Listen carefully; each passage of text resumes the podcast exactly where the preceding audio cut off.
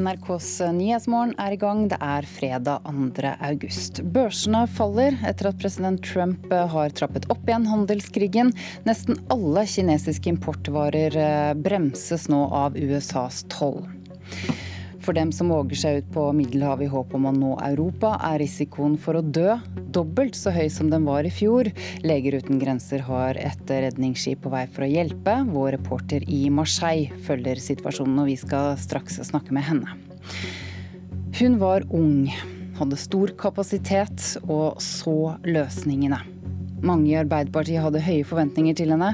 Vi skal snakke mer om den avdøde ordføreren i Malvik, Ingrid Aune. Jeg heter Ida Creed. Børsene i Asia har falt kraftig i natt etter at USAs president Donald Trump trappet opp handelskrigen med Kina. Nesten alle kinesiske importvarer bremses nå av Trumps tollmurer. Varer verdt 300 milliarder dollar får nå 10% toll fra 1.9, eh, sier Trump.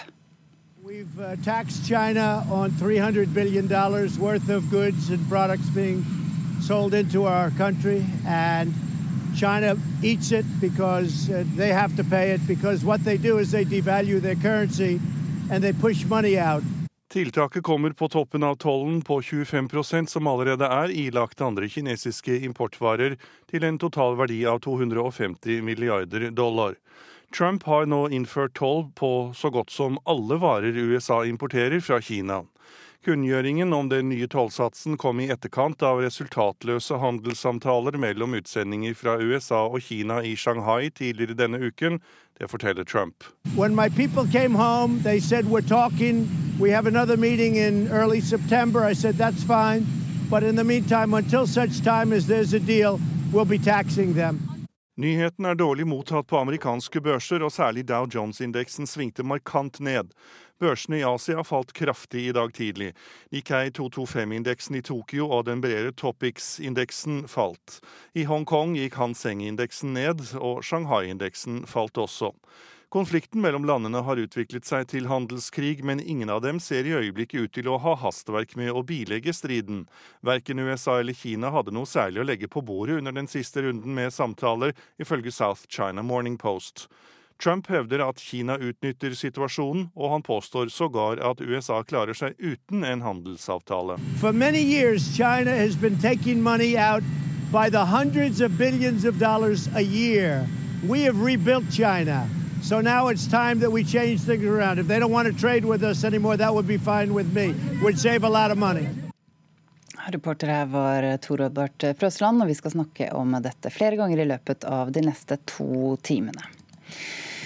Ja, Det er august eh, og egentlig ikke helt sesong for å snakke om dette akkurat nå, men eh, det er viktig for alle som er i Forsvaret eller skal i Forsvaret. Det er nemlig sånn at mange soldater får frostskader mens de er i militæret. Og i år ser det ut til å være en kraftig økning. Og dette er alvorlig, sier oberstløytnant Arne Johan Norheim i Forsvarets sanitet, som er spesialist på frostskader. Hele to tredjedeler av de som får en frostskade, kan risikere mer eller mindre livsvarige eh, plager. Vinterøvelser i Forsvaret kan være både krevende og kalde for dem som deltar. Hvert år får 2% av de militære frostskader. Men fra januar til begynnelsen av april i år oppsto det 150 frostskader i Forsvaret. Det er flere enn det vanligvis er på et helt år. Frostskader i Forsvaret oppstår jo både i månedene fra januar til mars, men ikke minst i oktober til desember har vi jo en periode der det er lett å pådra seg frostskader. Så vi er jo litt urolige for hva sluttallet skal bli for 2019. To tredeler av de skadde var inne til førstegangstjeneste. Kvinner er overrepresentert. De utgjør en fjerdedel av soldatene, men har fått en tredel av frostskadene. Det går fram av rapporten 'Helse for stridsevne', som Forsvaret har offentliggjort i sommer. Vi vet ikke hvorfor kvinner ofte rammes, sier major Knut Hummelvold ved Forsvarets vinterskole på Elverum. Det er helt nytt for oss at eh, de er overrepresentert, eh, og dette er noe vi må finne ut av. og Hva som er årsaken er veldig vanskelig. Det finnes noen fysiologiske forklaringer, men disse klarer ikke å forklare denne store variasjonen. Men hva, Kan det være noe med utstyret eller måten ting, eh, klær og sånn er tilpassa kvinner? Ja, det er selvsagt noe vi må se, se, på. om Det er noe med utrustningen. Men eh, sånn i det store og hele så skal det være tilpasset. Men vi må selvsagt eh, undersøke dette nøyere. Det kan også være andre saker, men eh, vi må se på rutiner og vi må se på bekledning, selvsagt. Det er ikke tilfeldig hvem som oftest får frostskader, sier oberstløytnant Arne Johan Norheim i Forsvarets sanitet. Det er klart det er de som har minst erfaring og, og som er mest utsatt. Vanligst er det med frostskader på føtter og hender, sier Hummelvold. Hvis du skal håndtere et våpen og det er 20 minus, og da et våpen lagd av metall, og da vil det våpenet være 20 minusgrader, når du tar på det eh, med hansker, eller sågar uten hansker, så vil det gå veldig kort tid før du får en frostskade. og Det er jo den enkelte som må, som må vurdere. Og Da må vi sørge for at den enkelte får god nok utdannelse og har de rette kunnskapene og de rette holdningene, ikke minst. En del av frostskadene oppsto ved garnisonen i Sør-Varanger i Finnmark, der soldater øver inne mot 40 minusgrader. Det er klart det gir utfordringer. Og det, Vi kan ikke tro at vi skal ha en nullvisjon for, for frostskader i Forsvaret. Det er umulig. Vi må trene realistisk, men vi må prøve å få tallet så lavt som mulig. Og hindre at frostskadene utvikler seg til å bli alvorlige. Norheim mener det er både viktig og mulig å halvere frostskadene for å hindre at så mange får plager i mange år etterpå. Og plagene er jo alt fra smerter til prikking, nummenhet, følelsestap. Og så er det jo det som veldig mange plages med, og det er en kuldeoverfølsomhet. At man rett og slett flyr på nevene uten at det er, egentlig er kaldt ute i det hele tatt. Reporter Kjartan Rørslett. Og nå har vi med oss eh, fra studio på Hamar major Knut Hummelvold fra Forsvarets vinterskole på Elverum. Hva syns du om det du hører her? Ja, det er, eh, det er tydelig at det er en økning i forhold til eh, de tidligste årene vi kan sammenligne oss med. Men uh, variasjonen fra år til år har vært veldig stor. og Vi ser, vi trenger ikke lenger tilbake enn til, uh, eh, 19, til 2010. og Da var det over 250, eller nesten 250 skader. Så det vil variere ut ifra hva slags type øving vi har, og hvordan været er når vi øver. Mm. Men uh, dette har vært kjent for ledelsen i vinter, det at det nå har vært en økning nå i det siste. Så hva gjør ledelsen i Forsvaret med det? Ja, jeg vet at uh, Hærens ledelse ble klar over dette her i, uh, på, i vinter. Uh, det ble da iverksatt først og fremst informert avdelingene om at det var en økning, eller så ut til å være en økning. Og brigaden f.eks. iverksatte da at alle avdelingene måtte bruke ett døgn minimum på den grunnleggende vintertjenesten uten å bruke kjøretøy, uten å ha det i sin vanlige setting, men med fokus på vintertjeneste. Så det ble gjort noen tiltak, eh, men det viktigste var at det skulle forsterke det allerede gode arbeidet som gjøres. Ja, Du sier at tallene på, på frostskade varierer, men betyr det at eh, dette er noe vi bare må regne med? At det er greit, på en måte? Nei, det er overhodet ikke greit. Eh, ingen, alle frostskader bør unngås, og de kan unngås. men i og med at vi ligger der vi ligger, et av verdens nordligste land, og har en utfordrende, et utfordrende klima, så, og vi må øve realistisk. Det er vi helt avhengig av i, i vårt yrke. Da vil vi eh, nesten uunngåelig å få noen frostskader. Men det er om å gjøre at vi får dette så lavt som mulig. og Da må vi sørge for at eh, personellet vårt har den utdanningen som trengs, og det utrustningen som trengs. Og så er det sånn at eh, Kvinner er overrepresentert på denne statistikken. Hvorfor er det sånn? Ja, som du hørte tidligere, så var det nytt for, for meg. Eh, at det er overrepresentert. Eh, kvinner, Vi er ganske nytt at vi har fått eh, en så stor andel kvinner i Forsvaret. Og dette her er noe som vi selvsagt må se nærmere på. Om det er ja, kvinner i utgangspunktet, så er vi veldig sånn forskjellige med tanke på hvor stor toleransegrense vi har for, for kulde. Dette er veldig individuelt, men det er mye tyder på at kvinner har noe lavere toleranse enn det menn har. Eh, og Derfor må vi se på om det er rutiner som vi må endre på, eller også vi må se på utrustningen vår. Om er klærne våre godt nok tilpassa den kvinnelige anatomien, slik at de er godt nok beskytta. Mm. Man har jo hørt at kvinner faktisk er bedre beskyttet mot kulde fordi man kanskje ofte har mer fett i huden. Men hvordan skal dere komme til bunns i dette? Vi har eh, etter hvert nå fått gode rapporteringssystemer som stadig blir bedre, eh, som gjør at vi forhåpentligvis klarer å peke på trender og finne årsaker i større grad. Eh, og dette vil vi jobbe med både mot, nå mot neste sesong, men også videre, slik at vi klarer å få dette tallet så lavt som mulig. Du snakker om at dere må bedre rutinene og, um, og at kanskje bekledningen må bli bedre. Men hva er det soldatene selv kan gjøre her? Ja, bare si en ting. Det er at uh, Vi kan ikke kjøpe oss ut av det problemet her, fordi at uh, Forsvaret har god bekledning. Uh, god bekledning som kan beskytte oss i, i, det klimaet vi har. Så vi kan ikke kjøpe oss ut av det problemet. Så det, det, som er viktig, er at vi gir soldatene en grunnleggende god utdanning, og at vi gir befalet vårt, spesielt det, det yngste befalet, som skal følge opp soldatene, altså lagførerne, at de er godt rustet til å kontrollere og følge opp soldatene og gi dem den utdanninga og de rådene de skal ha. Er det rom for å bruke mer tid på bedre opplæring? Vi ser det at eh, soldatlivet er blitt mer og mer komplisert, og det er mer og mer som skal inn i utdanningen av soldatene. Så dette her eh, er en, nesten en sånn umulig kabal å få til å gå opp. Men det å prioritere soldaters helse Vi får låne vernepliktssoldater ett år. Og vi må ta vare på dem, og vi er moralsk forpliktet til å levere dem tilbake til samfunnet og familien i minst like god stand som når de kom inn. Det tror jeg alle er enige om. Takk, major Knut Hummelvold fra Forsvarets vinterskole på Elverum.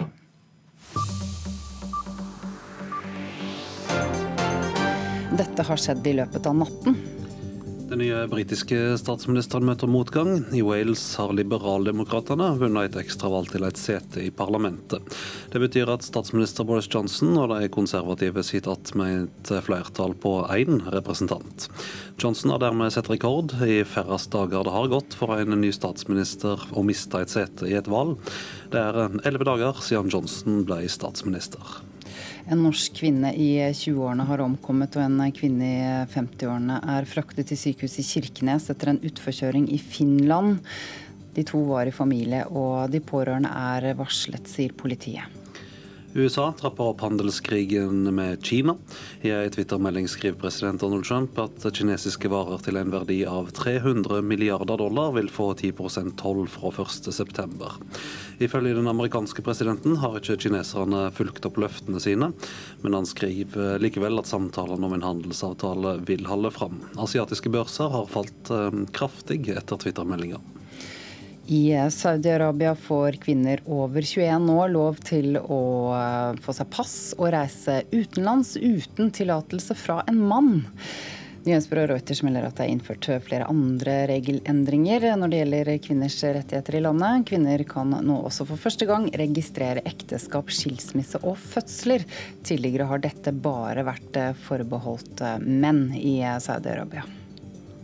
Og dette får du vite mer om hvis du følger med på NRK Nyheter utover dagen. Det er én ting som peker seg ut.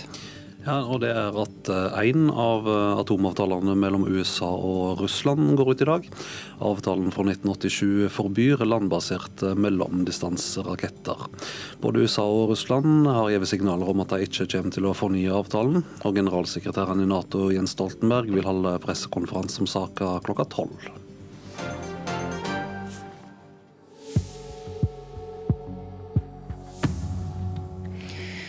Klokken er 16 minutter over sju. Dette er NRKs Nyhetsmorgen. Vi har disse hovedsakene. Soldater og befal fikk flere frostskader de tre første månedene i år enn de vanligvis gjør på et helt år. Som dere akkurat hørte, børsene faller etter at Trump trapper opp igjen handelskrigen med Kina. Og I går ble det kjent at det var Malvik-ordfører Ingrid Aune som døde i båtulykken i Namsos. Litt senere i sendingen skal vi snakke om hvem hun var.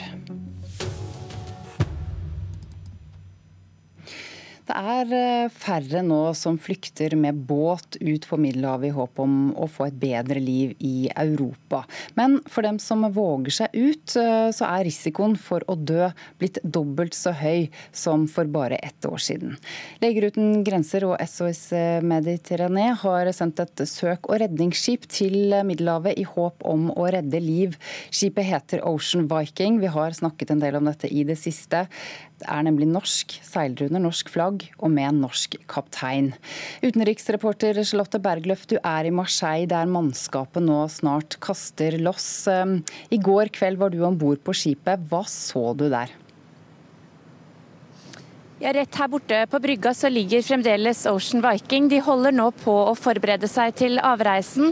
Om bord så vi bl.a. 1000 redningsvester. Eh, de forbereder over 1000. De forbereder seg på storinnrykk hvis det er nødvendig.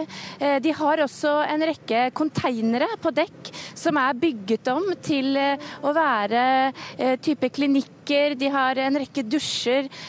De har et eget rom for kvinner, et eget rom for menn. Eh, de har også en jordmor om bord hvis det skulle være nødvendig med den eh, typen hjelp. Og vi så også barneleker ligge der, så her forbereder de seg på alle mulige situasjoner. Eh, de har også erfart at veldig mange får brannsår når denne bensinen blander seg med saltvannet.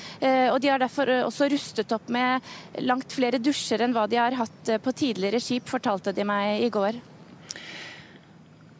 Bare i forrige uke så døde 100 mennesker på vei fra Libya til Europa. Vi hører at det er farligere nå enn det var eh, på denne tiden i fjor. Eh, hvorfor har det blitt farligere? Det vi snakker om her er jo denne sentrale middelhavsruten som går fra Libya, og hvor man gjerne har tatt seg til Italia eller Malta. Eh, det vi har sett de siste årene, er at eh, innsatsen i området fra bl.a. EU har endret seg. Mange husker kanskje det norske fartøyet Siem Pilot som opererte under EUs eh, e grensestyrke Frontex fra 2015 til 2016. Den type innsats har man nå ønsket å heller sette inn i de såkalte nærområdene. Samtidig har vi sett et regjeringsskifte i Italia, og etter det så fikk vi altså flytte flyttet eh, koordineringssentralen, altså de som koordinerer dette redningsarbeidet til havs. De satt tidligere i Roma. Nå er dette ansvaret flyttet til Libya. Og det Leger uten grenser forteller meg her, er at dette fungerer ikke. Den libyske kystvakten kan f.eks. finne på å ikke ta telefonen når man ringer og forteller at det enten er eh, folk i nød, eller at man er tilgjengelig og kan bidra. Så det har vært situasjoner, forteller de, hvor det har vært eh, redningsbåter ubåter i nærheten hvor, hvor man ikke er blitt varslet. Og så ser vi også at eh, Libya har vanskeligheter med å finne en trygg havn og tildele de redningsfartøyene som da redder mennesker eh, om bord i båtene sine.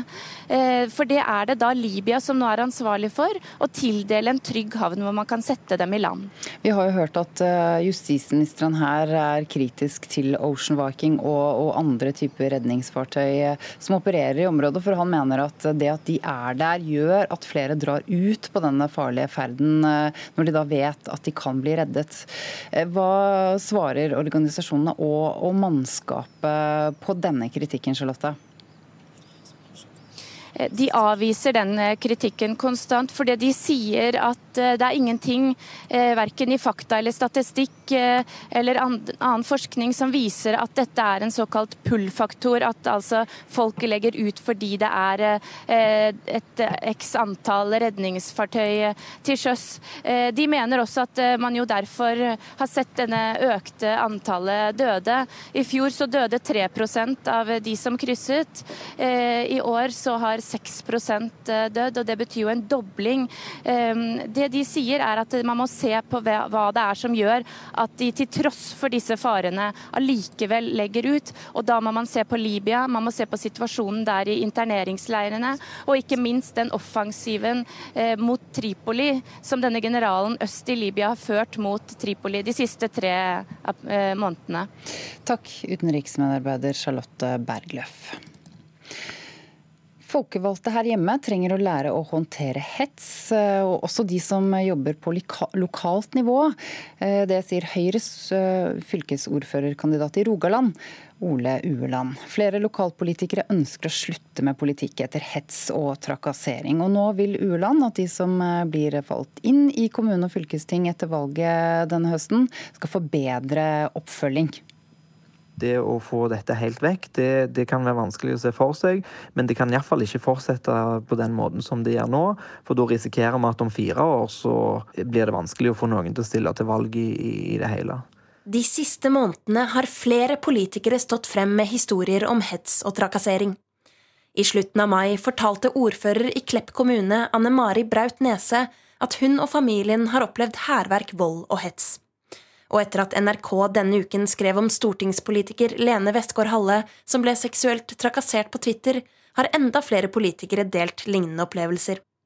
Uland mener det er på tide at lokalpolitikere får hjelp til å håndtere hets. Det som jeg ofte opplever som vanskelig når en blir utsatt for eh, hets og sjikane, det er jo å vurdere hva er over streken. Hva er det som en må gå videre med.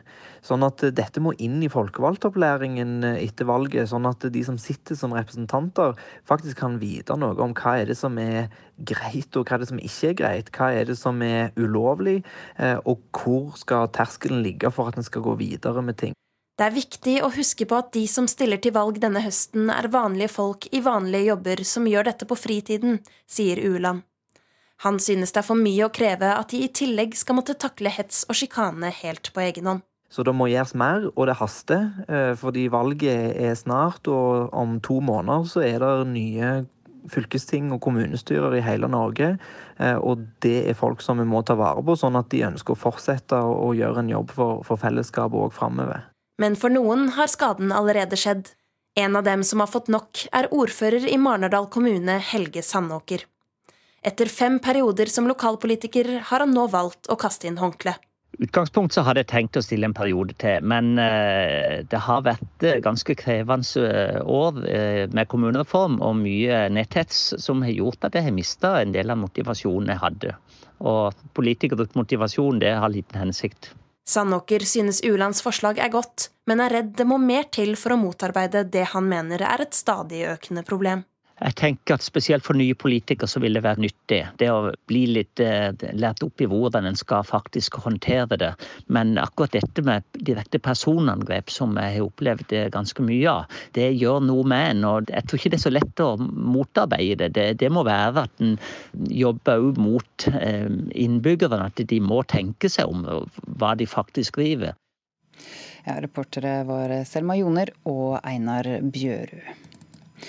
I går ble det kjent at det var Malvik-ordfører Ingrid Aune som eh, omkom i båtulykken i Namsos, sammen med kjæresten Eivind Olav Kjellbotn Evensen. Arbeiderpartiet er i sorg, sier partileder Jonas Gahr Støre. Vi hadde håpet i det lengste at Ingrid skulle klare seg, men at hun nå mistet livet sammen med kjæresten i denne båtulykken er ufattelig trist eh, og går dypt inn på oss.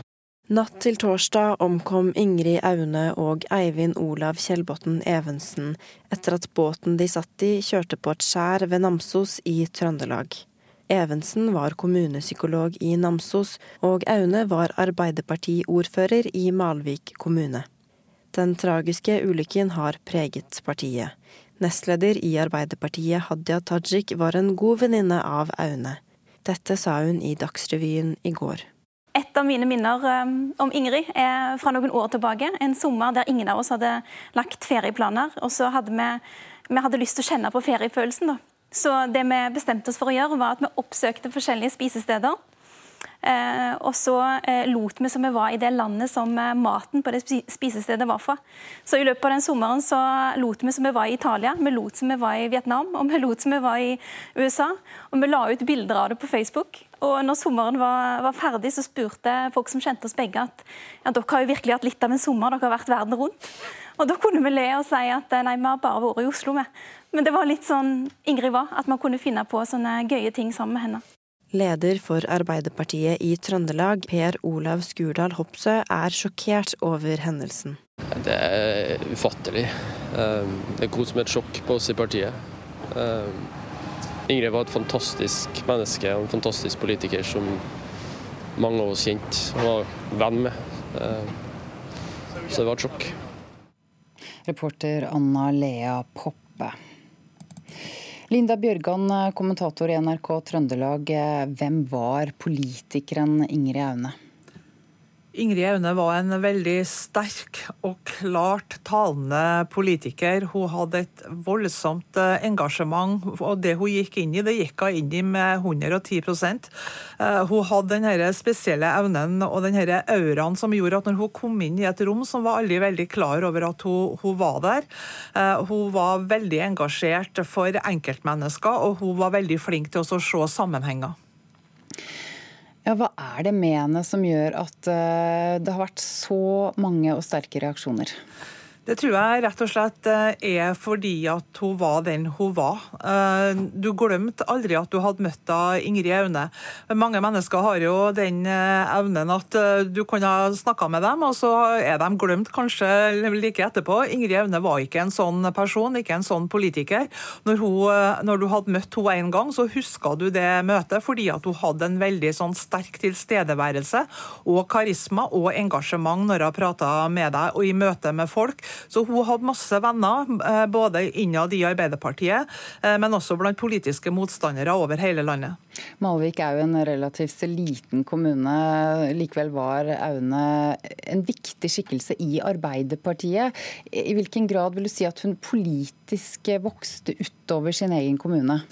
Det var nok engasjementet hennes eh, som gjorde at eh, hun eh, var en av disse talentene som Arbeiderpartiet nok hadde ville hatt i sentrale posisjoner etter hvert. Det var jo ingen av oss som ville ha blitt overraska om Ingrid Aune etter hvert har blitt kalt til kongens bord. Hun var jo politisk rådgiver for Barth Eide i, i Utenriksdepartementet. Valgte likevel å komme tilbake til kommunepolitikken da ordføreren i Malmö Malvik eh, ville utfordre som listetopp. Eh, og hun synes at kommunepolitikken var kjempeviktig for hun akkurat, eh, akkurat nå. Men Ingrid Aune var nok en av disse talentene i Arbeiderpartiet som Arbeiderpartiet hadde håpa de skulle ha med seg videre, og som de skulle bygge partiet videre på. Veldig kort til slutt, Hvilken politisk kapasitet hadde hun i seg? Hun hadde en stor politisk kapasitet eh, i seg, og som jeg sa, ingen ville ha blitt overraska om eh, Ingrid Aune hadde havna ved kongens bord og vært en av Arbeiderpartiets eh, fremste politiker, sentrale politikere i framtida. Takk, Linda Bjørgan, kommentator i NRK Trøndelag.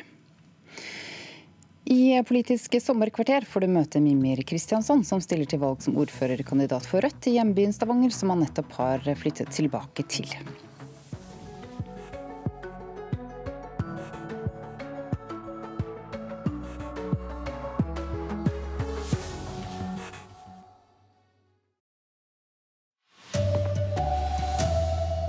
Kraftig børsfall i Asia etter twittermelding fra Donald Trump. Øke i tallet på soldater som får frostskader. Og én av tre foreldre er ikke nøyde med maten på skolefritidsordninga. Her er NRK Dagsnytt klokka 7.30. Børsene i Asia falt kraftig i natt etter at president Donald Trump trappa opp handelskrigen mellom USA og Kina. Nær alle kinesiske importvarer blir nå bremsa av amerikanske tollsatser. Varer verdt 300 milliarder dollar får 10% toll fra 1.9, sier Trump. We've uh, taxed China on $300 billion worth of goods and products being sold into our country, and China eats it because uh, they have to pay it because what they do is they devalue their currency and they push money out. Tiltaket kommer på toppen av tollen på 25% som allerede er ilagt andre kinesiske importvarer, til en total verdi av 250 milliarder dollar. Trump har nå innført toll på så godt som alle varer USA importerer fra Kina. When my people came home, they said we're talking. We have another meeting in early September. I said that's fine, but in the meantime, until such time as there's a deal, we'll be taxing them. Nyheten er dårlig mottatt på amerikanske børser, og særlig Dow Jones-indeksen svingte markant ned. Konflikten mellom landene har utviklet seg til handelskrig, men ingen av dem ser i øyeblikket ut til å ha hastverk med å bilegge striden. Verken USA eller Kina hadde noe særlig å legge på bordet under den siste runden med samtaler, ifølge avisen South China Morning Post. Trump hevder at Kina utnytter situasjonen, og han påstår at USA klarer seg uten en handelsavtale. For mange år China has been taking money out by the hundreds of billions of dollars a year. We have rebuilt China. So now it's time that we change things around. If they don't want to trade with us anymore, that would be fine with me. We'd save a lot of money. Reporter Tor Albert Frøsland. Mange soldater får frostskader i militæret, og i år ser det ut til å ha vært en kraftig økning. Mange har plager i årevis, sier spesialist på frostskader og oberstløytnant Arne Johan Norheim i Forsvarets sanitet. Hele to tredjedeler av de som får en frostskade, kan risikere mer eller mindre livsvarige plager. Vinterøvelser i Forsvaret kan være både krevende og kalde for dem som deltar. Hvert år får 2% av de militære frostskader. Men fra januar til begynnelsen av april i år oppsto det 150 frostskader i Forsvaret. Det er flere enn det vanligvis er på et helt år. Så vi er jo litt urolige for hva sluttallet skal bli for 2019. To tredeler av de skadde var inne til førstegangstjeneste.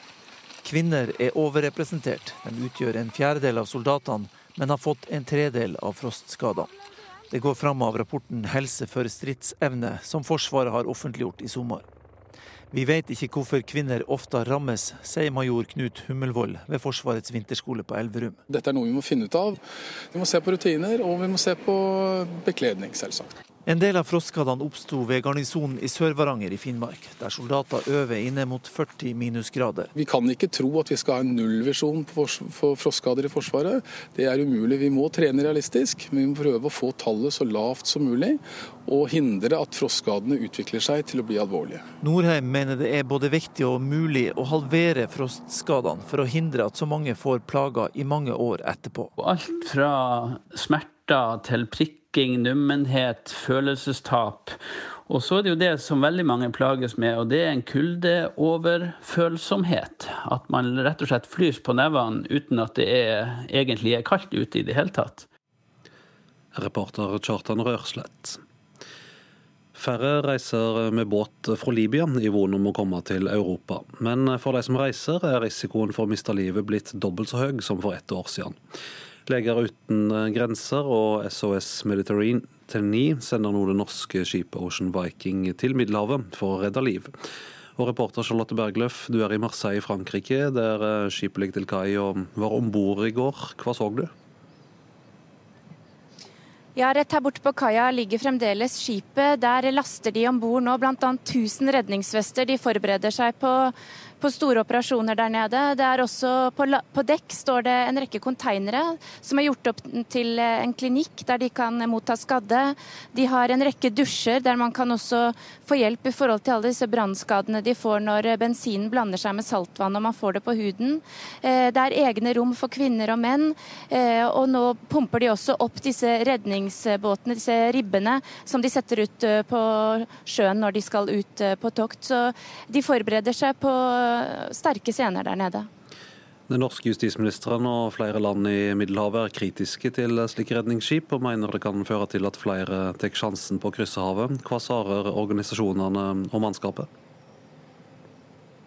De mener at det er ingenting i forskning eller statistikk som viser at det har noe å si for eh, migrantene hvor mange båter som befinner seg på vannet, i forhold til om de våger å ta den risikoen.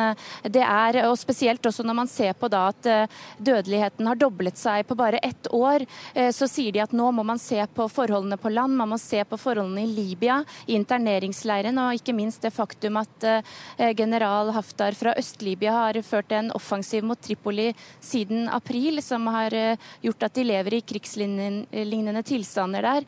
Eh, dette gjør at eh, man allikevel risikerer livet ved å forsøke seg ut på havet. Charlotte Bergløff i Marseille. Folkevalgte trenger å lære hvordan de skal håndtere hets, også på lokalt nivå. Det sier fylkesordførerkandidat for Høyre i Rogaland, Ole Ueland. Flere lokalpolitikere ønsker å slutte med politikk etter hets og trakassering det å få dette helt vekk, det, det, kan være vanskelig å se for seg. Men det kan iallfall ikke fortsette på den måten som det gjør nå.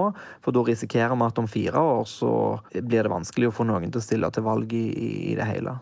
De siste månedene har flere politikere stått frem med historier om hets og trakassering. I slutten av mai fortalte ordfører i Klepp kommune Anne Mari Braut Nese at hun og familien har opplevd hærverk, vold og hets. Og etter at NRK denne uken skrev om stortingspolitiker Lene Westgård-Halle som ble seksuelt trakassert på Twitter, har enda flere politikere delt lignende opplevelser. Uland mener det er på tide at lokalpolitikere får hjelp til å håndtere hets. Det som jeg ofte opplever som vanskelig når en blir utsatt for eh, hets og sjikane, det er jo å vurdere hva er over streken. Hva er det som en må gå videre med. Sånn at eh, dette må inn i folkevalgtopplæringen eh, etter valget, sånn at de som sitter som representanter, faktisk kan vite noe om hva er det som er greit, og hva er det som ikke er greit. Men for noen har skaden allerede skjedd. En av dem som har fått nok, er ordfører i Marnardal kommune, Helge Sandåker. Etter fem perioder som lokalpolitiker har han nå valgt å kaste inn håndkleet utgangspunkt så hadde jeg tenkt å stille en periode til, men eh, det har vært eh, ganske krevende eh, år med kommunereform og mye netthets som har gjort at jeg har mista en del av motivasjonen jeg hadde. Og politikernes motivasjon, det har liten hensikt. Reportere Selma Joner og Einar Lone Bjørud. Én av tre foreldre sier de ikke er nøyde med maten på skolefritidsordninga. Det syner en undersøking fra Forbrukerrådet. På Apeltun skole i Bergen får ungene både fiskekaker og tomatsuppe på SFO. På Apeltun skole i Fana har SFO nett starta opp igjen etter sommerferien. Hva syns du om maten her på SFO? Den er god, og vi kan velge mellom alt som er her. I dag er det brødskiver, pålegg og frukt på menyen. Men til vanlig får ungene mat som suppe, wraps eller yoghurt med musli på SFO når skoledagen er over. Det, hvis det er noen som ikke liker det som blir servert, så har vi knekkebrød og litt forskjellig pålegg, og alltid frukt eller grønnsak. Hanne Hausken er avdelingsleder på skolefritidsordninga. I fjor innførte Bergen kommune et smøremåltid for alle barn som går på SFO. Vi har fått bare gode tilbakemeldinger fra foreldrene også, altså. I en ny undersøking gjort av Norstat for Forbrukerrådet, svarer én av tre foreldre at de ikke er fornøyd med mattilbudet på skolefritidsordninga. Aller minst foreldre i Oslo. Anne Kristin Wie er fagdirektør i Forbrukerrådet. Kommunene må på en måte begynne å bestemme seg litt på hva er det egentlig de mener med det mattilbudet som faktisk skal gis. Da. Forbrukerrådet og Kost- og ernæringsforbundet vil at skolefritidsordningene skal være forplikta til å følge Helsedirektoratet sine retningslinjer for måltider i skolen. Det er masse, masse måltid som er kjempegode. Jeg elsker de som lager det. Reporter var eh, Bergit Sønstebø Svenseid. Ansvarlig for sendinga Arild Svalbjørg. I studio Vidar Eidhammer.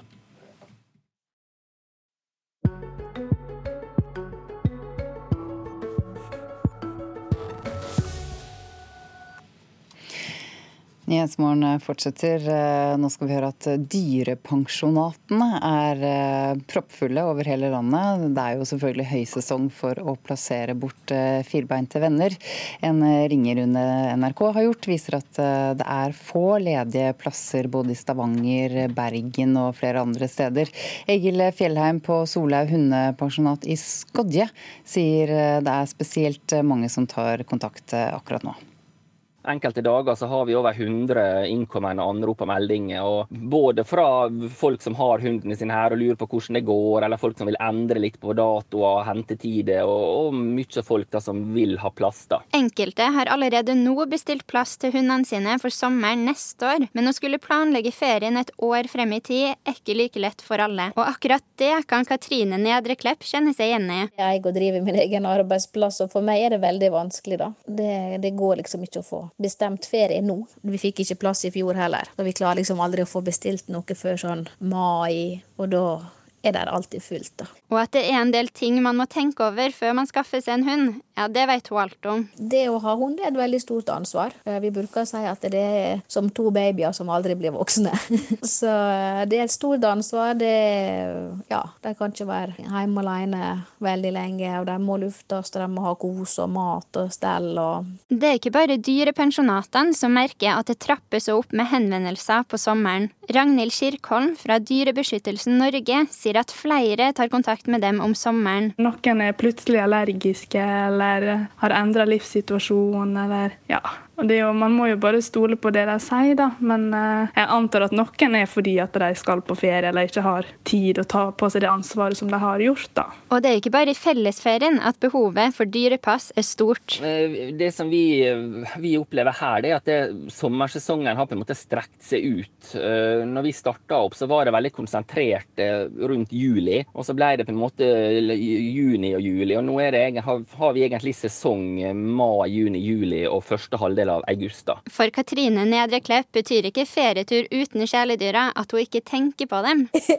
jeg sender i hvert fall melding og spør, og veldig kjekt å få bilde tilbake og litt sånn på å høre at de har det bra, da. Det, det er veldig kjekt. Det, det er det. Det gjør helt klart ferien mye kjekkere.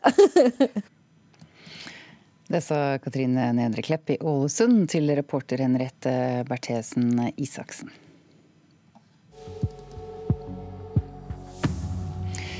Straks får du møte Mimir Kristiansson i eh, dagens politiske sommerportrett. Ellers er dette de viktigste overskriftene nå. Det er kraftig børsfall i Asia etter eh, Twitter-meldinger fra Donald Trump i natt. Det er en økning i tallet på soldater som får frostskader. Én av tre foreldre er ikke fornøyde med maten eh, på skolefritidsordningen. Og det siste nå er at Stavernfestivalen risikerer å miste skjenkebevilgningen under deler av neste års festival. Larvik kommune har nemlig avdekket brudd på skjenkereglene i sommer.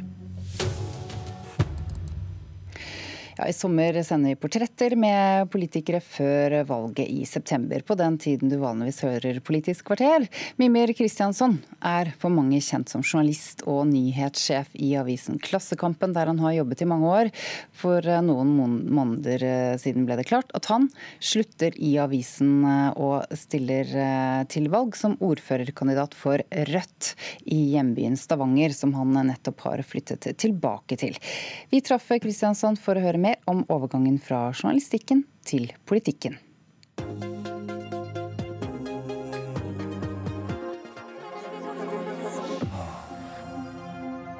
Jeg hadde vel en eh, brennende ønske om å gå inn i politikk igjen. Jeg har jo bakgrunn fra Rødt for mange mange år siden. Og så sitter man jo og ser på at eh, holdt på å si, Norge og verden går går i feil retning, da. Og man eh, irriterer seg og blir en sånn tribunedommer som sitter og skriker til radioen eh, om morgenen. Til slutt så får man jo lyst til å være med og gjøre en innsats sjøl òg. Så jeg hadde vel lyst til å på en måte ja, engasjere meg for de tingene som jeg tror på og alltid har trodd på. Hvordan går Norge i feil retning, da? Forskjellene mellom de fattige og de rike i Norge øker, og det gjør de uansett hvem som styrer, og det gjør de hele tida. Og den uh, utviklingen er veldig upopulær i befolkningen, men det ser ikke ut som om det finnes noen politiske partier så langt som har tatt eh, den oppgaven på alvor med å snu det av de som har styrt. og Det ønsker vi Rødt å gjøre noe med. Og Så har det jo arbeidslivet, da, som er at når eh, generasjonen til min far og sånn kom inn i arbeidslivet, så kunne man regne med å få trygge, sikre jobber. Eh, man kunne regne med at fagforeningene hadde ryggen din. I dag så ser du sosial dumping over en lav sko, lovløse tilstander på byggeplasser, ikke bare i Oslo, men i Stavanger og andre byer òg. Og det må vi få en slutt på hvis vi vil ta vare på det Norge som vi alle sammen er glad i. Du har jo eh, i lang tid kalt deg kommunist. Er du det fortsatt, eller? Jeg kaller meg vel kommunist litt avhengig av dagsformen, da, så det pleier å bli sånn eh, i festlig lag. det er jo et veldig omstridt begrep, fordi det er så ulike meninger om hva det betyr. Så for min del så er den ideen som ligger bak der, da, som er man skal yte etter evne og få etter behov. At man ikke skal ha klasser i samfunnet, men ha et klasseløst samfunn. Det er ideer som jeg tror på. Og så er jo problemet at en del av de folka som har kalt seg kommunister opp igjennom, det, enten det har vært i Sovjet eller Kina, har jo stått bak brutale overgrep. Og det tar jo ikke noe til sans for. Så, så det er et komplisert begrep å bruke. Så det avhenger litt på dagen du spør. Men eh, hvordan vil kommunisme se ut i Stavanger, da? I utgangspunktet så tror jeg ikke vi skal klare å gjennomføre kommunisme i Stavanger i neste bystyreperiode, men ut, de ideene som ligger bak all politikken vår, det er ideer om at noen ikke skal ha mye mer enn andre, og at det ikke skal være sånn at du kan bli mye rikere på å eie andres arbeid enn du skal bli med. Og for så vidt andre partier på venstresida òg, så ligger det bak noen idealer om at det er vanlige arbeidsfolk i dette landet som skaper verdiene, og de må få en større del av kaka enn de gjør i dag. Og så har du et ideal der framme om at du ønsker deg et samfunn helt uten det, det skillet mellom arbeid og kapital som vi har i dag. Men da snakker vi ikke om neste bystyreperiode, for å si det på den måten. Da tror jeg eh, det er nok en, en utopi som det er verdt å ta vare på, fordi vi jobber i den retningen, men som neppe er gjennomførbart eh, på 1, 2, 3. Men det har ikke gått så bra når folk har prøvd å gjennomføre utopien tidligere? da? Jeg har ikke sett noen som har prøvd å gjennomføre et klasseløst samfunn tidligere. Altså Sovjetunionen er et brutalt klassesamfunn der de liten elite på toppen beriker seg mens millioner sulter. De som er ledelsen i Kinas eh, såkalte kommunistparti, de er ikke akkurat noen fattigfranser eller vanlige arbeidsfolk, de. Tvert imot er det dynastier og arvinger, politiske arvinger som går igjen. Så Men de delte jo dine hensikter. Kanskje er problemet at systemet ikke er så lett å implementere uten at det fører til nye klassesamfunn? Det er jo helt åpenbart at de gjorde grove feil, men for å si det på den måten, da. Jeg er jo uenig med de i at man ikke skal ha valg. Jeg er jo uenig med de i at man ikke skal ha ytringsfrihet, organisasjonsfrihet, pressefrihet osv. Og, så og det er alle i Rødt. Sånn at vi står jo for noe helt annet enn det Kina og eh, Sovjet var.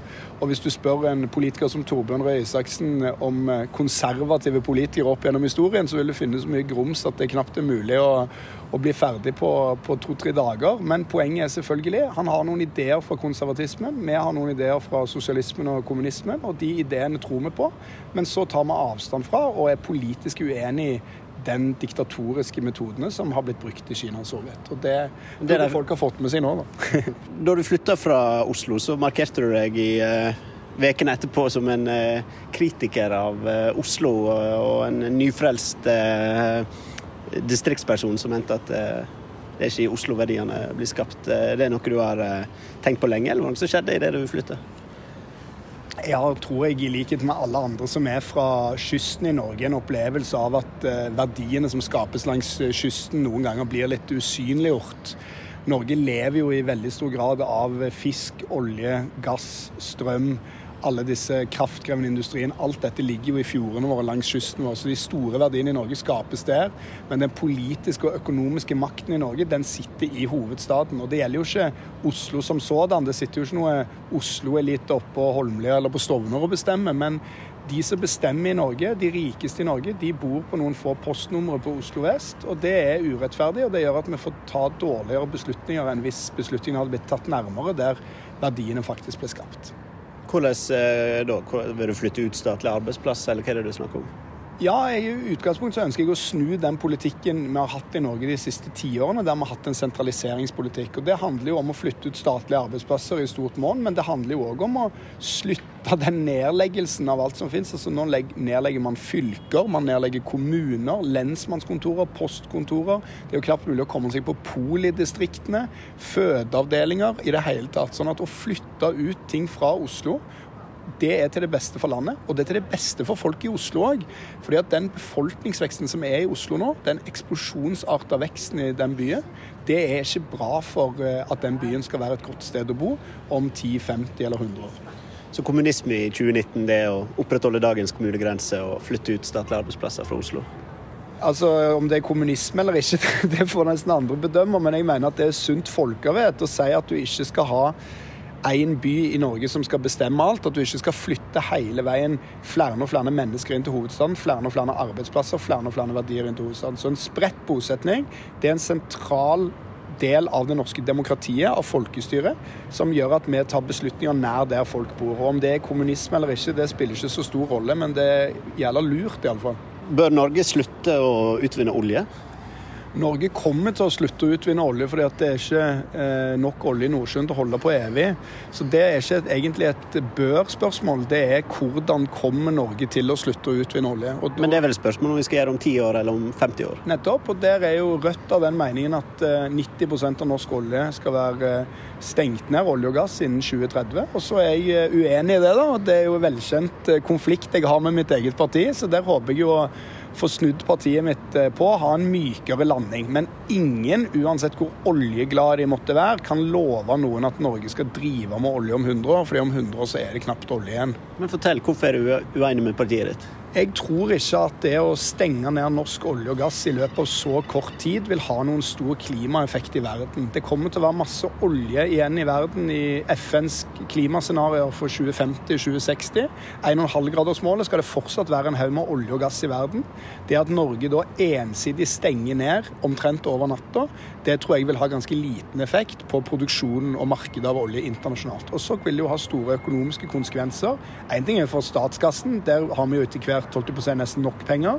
Men mer alvorlig er det jo for eh, de 60 000 folka bl.a. i min eh, region som jobber i olje- og gassnæringen. Og da trenger vi mer tid til å bygge opp nye lønnsomme næringer, miljøvennlige næringer.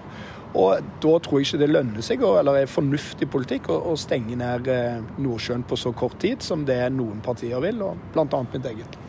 Men hvis ikke vi som verdens rikeste og mest idealistiske land skal gå foran, så er det vel ikke sikkert at så mange andre kommer til å gjøre det heller?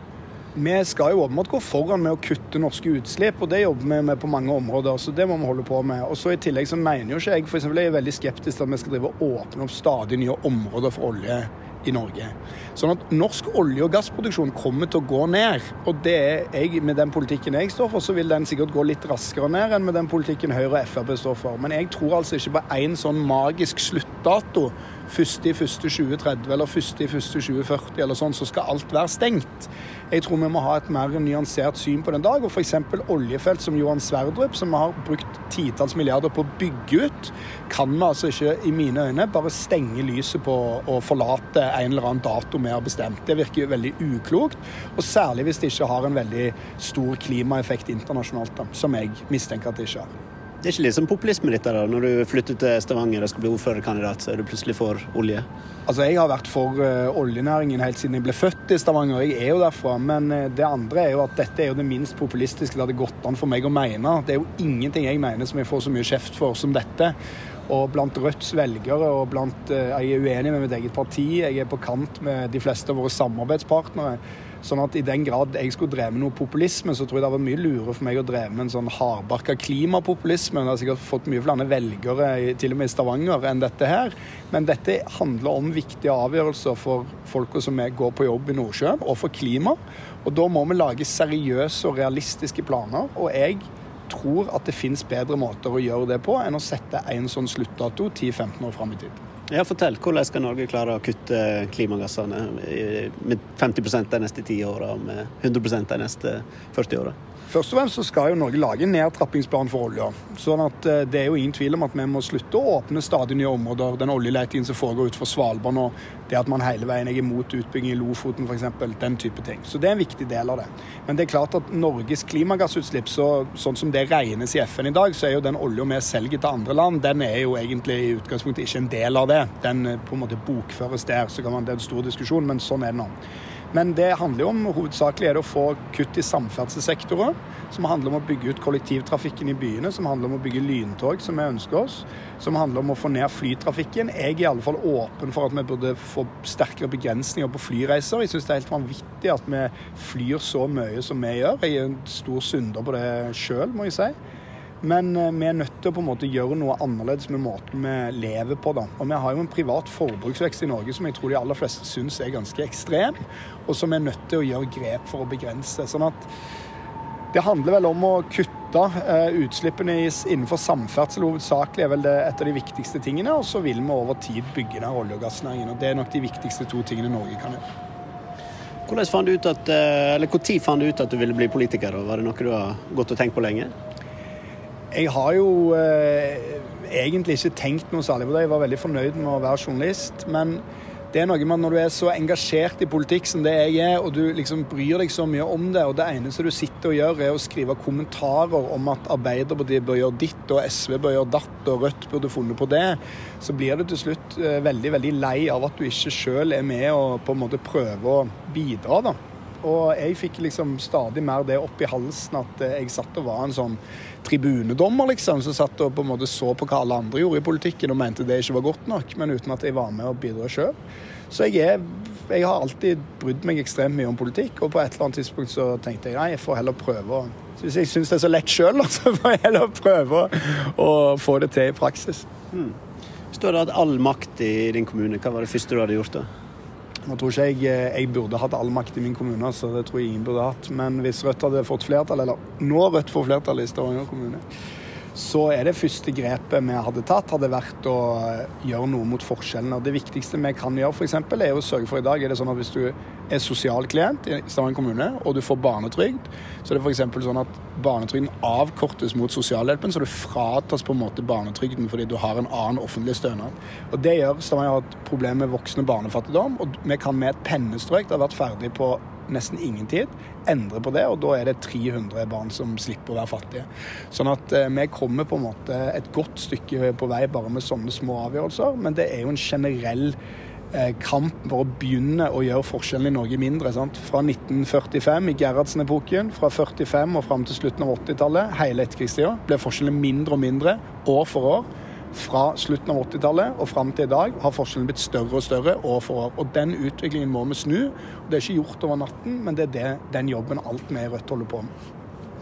Når du kjører gjennom bomringen, gjør du det med glede eller sorg? Nei, jeg blir drittsur av bompenger, altså.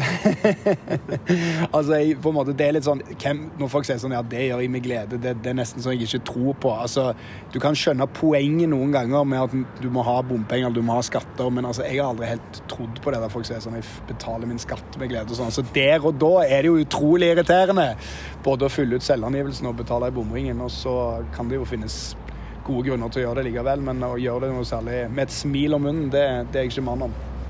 Skal du eh, reise med fly når du skal på ferie i sommer? Jeg skal en flytur ja, i sommer, så det til Korsika. Har du flyskam? Jeg har litt flyskam, ja. Det, jeg vet ikke hvor produktiv den flyskammen min er, for jeg flyr jo likevel. Men, men eh, du kjenner jo litt på det. for eh, jeg føler jo at jeg er en person som flyr veldig mye mer enn det som min andel av noe sånt ville tilsvare. Men så er bare tilbudet Altså, det er så elendig. Altså, jeg sitter og ser på når jeg skal dra tilbake til Stavanger. Ta, om du kan ta et nattog, liksom. Som regel er det fullt. Det er alltid dyrere enn flyet, så å si. I hvert fall hvis du skal kunne sove på nattoget.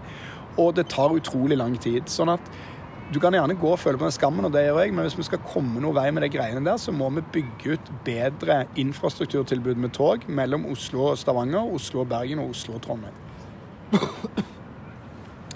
Hvordan vil du eh, beskrive din eh, perfekte sommerdag? En perfekt sommerdag for meg er vel å få bade. Jeg er veldig glad i det. Og selvfølgelig å få være med dattera mi og samboeren min, som jeg jo føler at jeg burde sett enda oftere enn jeg gjør. Men eh, det å sitte nede ved en bryggekant og spise reker og drikke hvitvin og komme seg litt uti